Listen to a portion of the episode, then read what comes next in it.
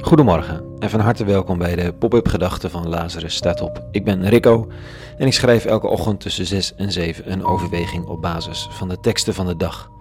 Die deel ik graag met je. Vandaag met de titel Er komt geen man aan te pas.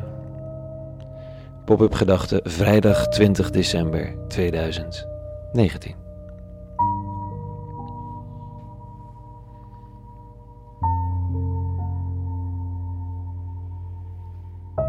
Het is wellicht passend dat op deze dag, de laatste dag van een jarenlang pop-up gedachten schrijven en delen, me duidelijk wordt gemaakt dat als het aankomt op kerst er geen man aan te pas komt. Mensen verdwijnen naar de achtergrond. Het is tussen de eeuwige en de vrouw. Dat is kerst. Het staat eraan te komen. Op talloze preekstoelen zullen talloze mannen, her en der een vrouw, zich uit den treuren verbinden aan een geboorteverhaal waar ze de ballen van snappen. Fysiek dan, hè? Theologisch vast wel het een en ander, maar fysiek staan ze er totaal buiten. Ze hebben geen lijf dat dit kan. Zwanger worden, een kind baren. Ze kunnen bevruchten, maar dat is als het er echt op aankomt in de wereldgeschiedenis. Dus overbodig. Met kerst. Ook best wel geinig eigenlijk. Vanochtend in de lezing vraagt Maria nog even naar de rol van de man. Hoe zal dit geschieden, daar ik geen gemeenschap heb met een man?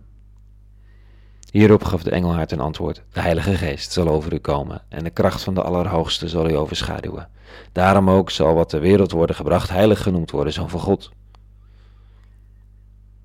Man, niet nodig. Nou, ik vind het fijn. Tussen God en de vrouw en de nieuwe man, ofwel de nieuwe mens, nou, die komt dan als een hulpeloos hoopje ter wereld. Die wordt in doeken gewikkeld en in een kribbe gelegd. En Jozef staat erbij, kijkt ernaar en helpt een beetje. Hij is al blij als hij her en der wat van dienst kan zijn, maar ook diep doordrongen, althans dat was ik bij de geboorte van onze twee, van de onhandigheid van je handen en je lijf op het moment van de werkelijke geboorte. Theoloog Janneke Stegeman deelde een gedicht dat, dat ongeveer zo klinkt in vertaling, een fragment.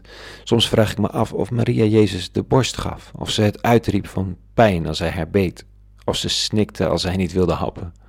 Soms vraag ik me af of dit te vulgair is om te vragen in een kerk vol mannen zonder melkvlekken op hun shirts of kokosnotolie op hun borsten. Ze zegt dan verderop in het gedicht dat ze zich afvraagt of als het vulgaire van de geboorte niet wordt gepreekt, of er dan wel überhaupt over die geboorte moet worden gepreekt. Hm.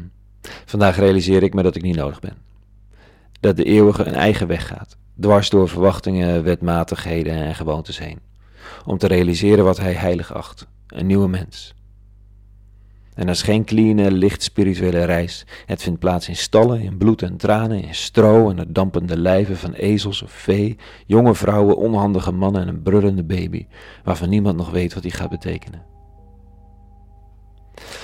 De komende weken hou ik met liefde vakantie. In het nieuwe jaar weer een nieuwe reeks pop-up gedachten. Voor nu zwijgen en een stapje terug doen in de schaduw van de stal, om te zien hoe aan het einde van het oude en het begin van het nieuwe zich weer een wonder ontvouwt. Tot zover, Lazarus staat op vanochtend. Dank voor het lezen en luisteren en een heel goed kerst en eindejaar gewenst.